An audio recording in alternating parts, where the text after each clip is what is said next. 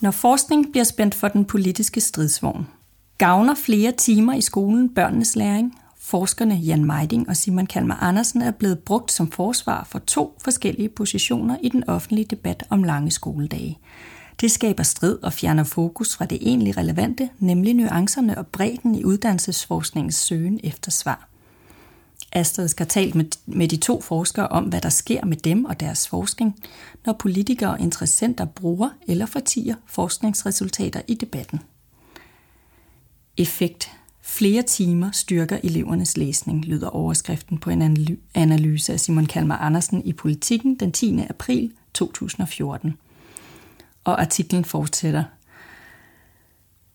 Når elever modtager 4 timers ekstra dansk om ugen i 16 uger, opnår de en ekstra fremgang i læsning, der svarer til et halvt år.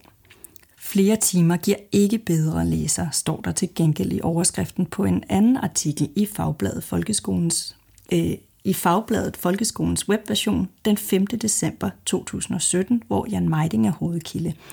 Og artiklen fortsætter.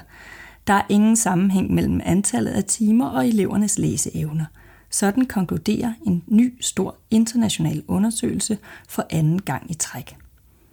På avispapiret lyder det som om de to forskere er rygende uenige, men i virkeligheden er uenigheden ikke så stor. Asterisk har sat de to forskere fælles stævne.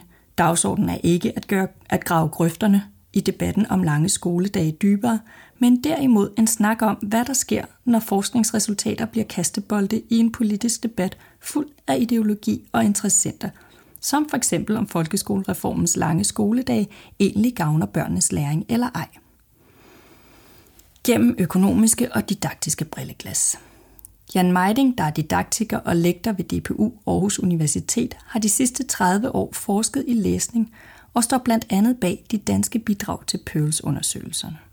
Simon Kalmar Andersen er uddannet kant med i samfundsfag og idehistorie og, har, øh, og er professor på Institut for Statskundskab på Aarhus Universitet, hvor han er leder af Trykfondens Børneforskningscenter. Jeg oplever, at vores syn på tingene på mange punkter er ens. Vi laver begge kvantitativ forskning og er enige om, at det har en værdi. Jeg oplever i højere grad stridspunkter i forhold til de kolleger, der for eksempel mener, at kun kvalitativ forskning har værdi. Der kan man rode sig ud i nogle uenigheder, siger Simon Kalmar Andersen.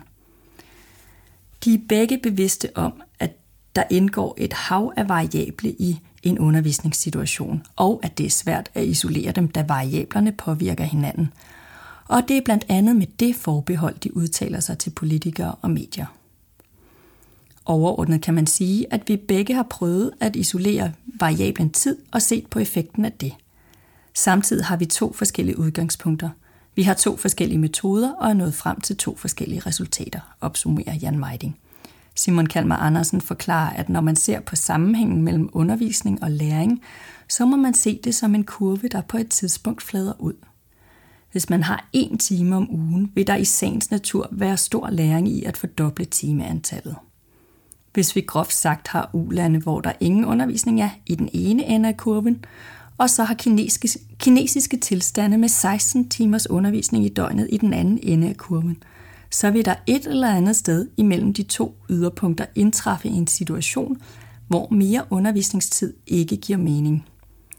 Sammenhængen mellem tid og læring er kort sagt en kurve, der stiger og på et tidspunkt flader ud – Spørgsmålet er, om der stadig er en gevinst at hente ved flere timer, eller om vi har nået toppen, siger han.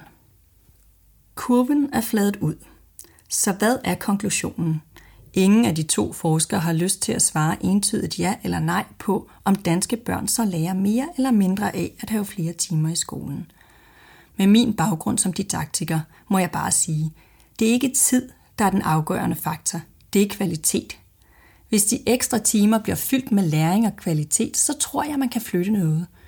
Jeg mener for eksempel godt, at man kunne give børnene fri en time før, uden at miste noget. Især hvis den økonomi, det ville frigøre, blev brugt til at give læreren noget mere forberedelsestid, siger Jan Meiding. Simon Kalmar Andersen supplerer. Der hvor vi er nu, tror jeg ikke, det oplagte skridt er at skrue mere op for undervisningstiden. Vi er enige om, at kurven formentlig er ved at flade ud. Spørgsmålet er så, om man vil få noget ud af at skrue ned for antallet af timer, Og der må man jo spørge sig selv, hvad er alternativet til at sidde i skolen for børnene? For mange er det SFO-tiden. Måske vil der være noget at hente, hvis vi ændrede formen på undervisningen, sådan som intentionen er i folkeskolereformen. Så vi skruer på blandingsforholdet mellem undervisningstid og SFO-tid, så de to spillede bedre sammen. Og så der var flere pædagogstyrede aktiviteter, for eksempel med bevægelse i løbet af skoledagen. Så vidt substansen. Nu til den overordnede diskussion om, hvad der sker, når forskningen bliver kastebold for ideologier, interesser og politik. Har interessentvældet taget magten? For hvad betyder det, at interessenter fra politikere og embedsmænd til interesseorganisationer bruger forskningen til at fremme deres synspunkter og ideologiske kampe? Spørgsmålet hænger i luften mellem de to forskere, inden Simon Kalmer Andersen rømmer sig. Som udgangspunkt er jeg glad, når de bruger vores forskning. Det er godt, at forskningen kan være med til at informere og kvalificere den politiske debat, for det vil være ærgerligt, hvis vi kun forskede for forskningens egen skyld. Og jeg synes faktisk, at, politiker, at politikerne i store træk er gode til at lytte til forskningen og inddrage de konklusioner, vi kommer med i deres arbejde, siger han. Jan Meiding rynker brynene. Jeg er ikke helt enig, siger han. Der er noget gentlemanagtigt og næsten forsigtigt over dem begge, når de stille og roligt ruller deres uenigheder frem i lyset. Vi har set, at forskningen bliver brugt, hvis for eksempel en minister kan bruge den til at underbygge sine egne synspunkter, mens den forskning, der taler imod, bliver negligeret. Det er måske et meget menneskeligt grundvilkår, at man er selektiv og søger efter noget, der kan underbygge ens egne synspunkter, siger Jan Meiding. Simon Kalmar Andersen supplerer. Hvis man skal se problematikken fra den politiske stol, så er det nemmere at skrue på timetallet end på den knap, der hedder kvalitet. Det er ikke fordi, jeg taler for, at man skal skrue på knapper bare fordi man kan, men der er en risiko for, at det er det, der sker politisk. Der er jo eksempler som det, vi taler om nu, hvor, vi, hvor vores forskningsresultater og konklusioner strider i to forskellige retninger. Og her er det et problem, hvis man tager en del af forskningen ind som et argument i debatten og lader som om den er entydig, hvis den ikke er det, siger Simon Kalmar Andersen. Og hvis politikerne tager hans studie som et argument for at indføre længere skoledage, er hans budskab. Det, vi lægger frem her, er resultaterne af et studie. Et. Du kan ikke basere store beslutninger på et enkelt studie. Hvis du skal lancere et nyt lægemiddel, har du jo også mange studier og ser på effekter på længere sigt.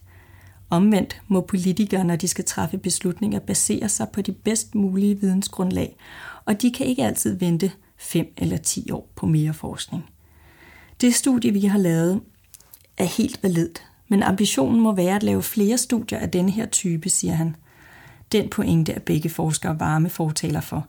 Flere studier over længere tid, der kan give indblik i de længerevarende effekter og dermed kvalificere vidensgrundlaget svært at rykke politikerne. Jan Meiding mener ikke, at politikerne har et tilstrækkeligt bredt perspektiv i og med de ikke formår at inddrage forskellige synspunkter i deres lovgivningsarbejde. Jeg kunne godt ønske mig, at man underbyggede nye tiltag, som for eksempel en reform ved rent faktisk at spørge forskerne.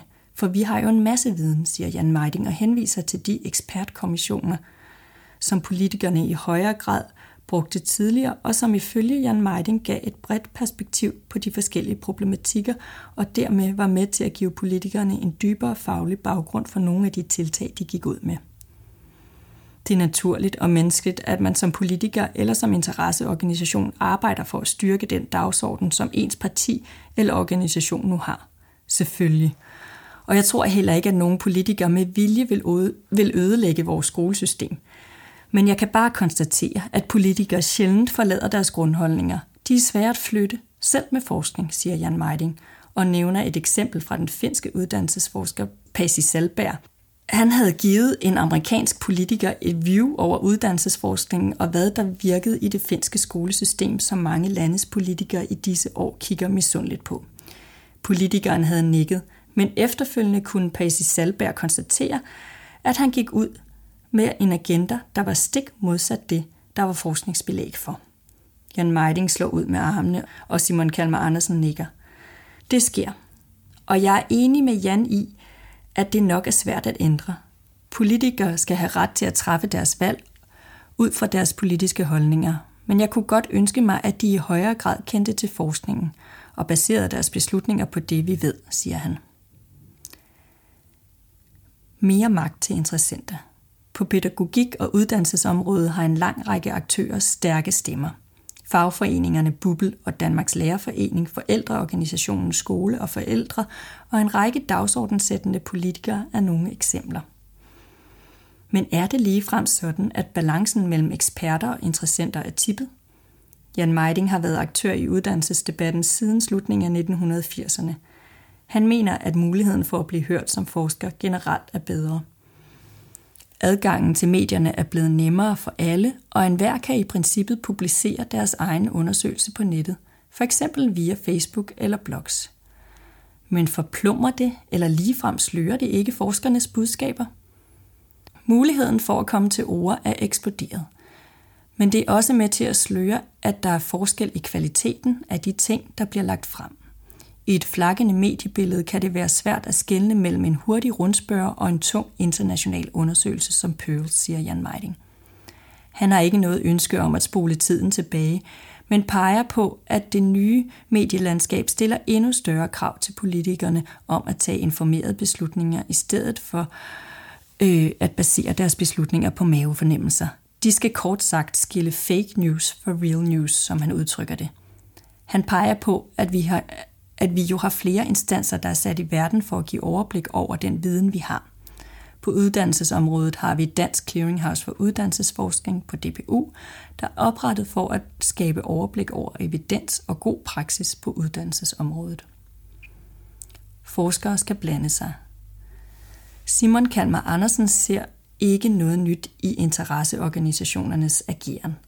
Danmarks Lærerforening har altid været en stærk stemme i den politiske debat, og det er de stadig, konstaterer professoren, der til gengæld hæfter sig ved en anden tendens.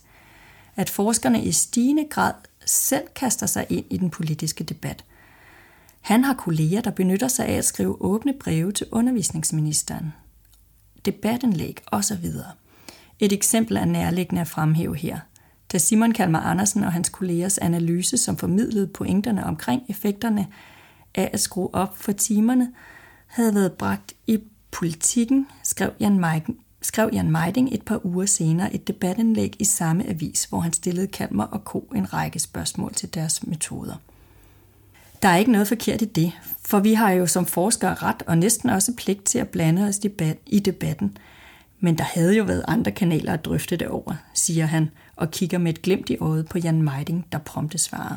Selvfølgelig skal man blande sig i debatten som forsker.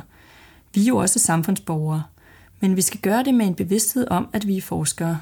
Når politikere i stigende grad tager beslutninger på baggrund af en overskrift, de har læst i avisen, så må man jo også som forsker diskutere videre der, hvis man vil blive hørt.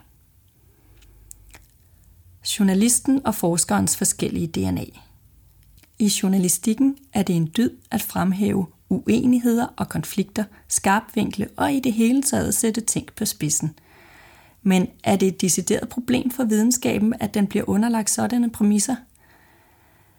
Det er i hvert fald en udfordring, for ligesom det ligger i journalistens DNA at stille verden op i overskrifter, så er det en del af forskernes DNA at se hele billedet og se på variationen. Og det er jo derfor, vi næsten altid siger ja eller nej, efterfulgt af et men – der er altid en eftersætning, for verden består af nuancer og ikke kun sort og hvid, siger Jan Meiding. Simon Kalmar Andersen kommer med et dukfrisk eksempel på netop det. I sidste uge blev jeg ringet op flere gange af en journalist. Hun vil gerne have min kollega Jeppe Bundsgaard, professor MSO på DBU Aarhus Universitet, og mig til at stille op over for hinanden i et interview om nationale test. Men hun var i tvivl om, hvorvidt vi var uenige nok, til, at der var en historie i det. Jeg er med på, at det er journalistikkens DNA, men jeg synes ikke, det gør så meget godt, siger han og pointerer, at det næppe, at det næppe er journalistikken, der sikrer politikere de bedste beslutningsgrundlag og kvalificerer debatten. Med alt respekt for journalister, så tror jeg hellere, at vi skal sætte vores lid til, at ministerier og andre gode kræfter i stigende grad inddrager forskere i kommissioner, hvis vi skal rykke noget og kvalificere det politiske beslutningsgrundlag. Faktaboks. Kom kærligheden til skolereformen og de lange skoledage til at skygge for fakta?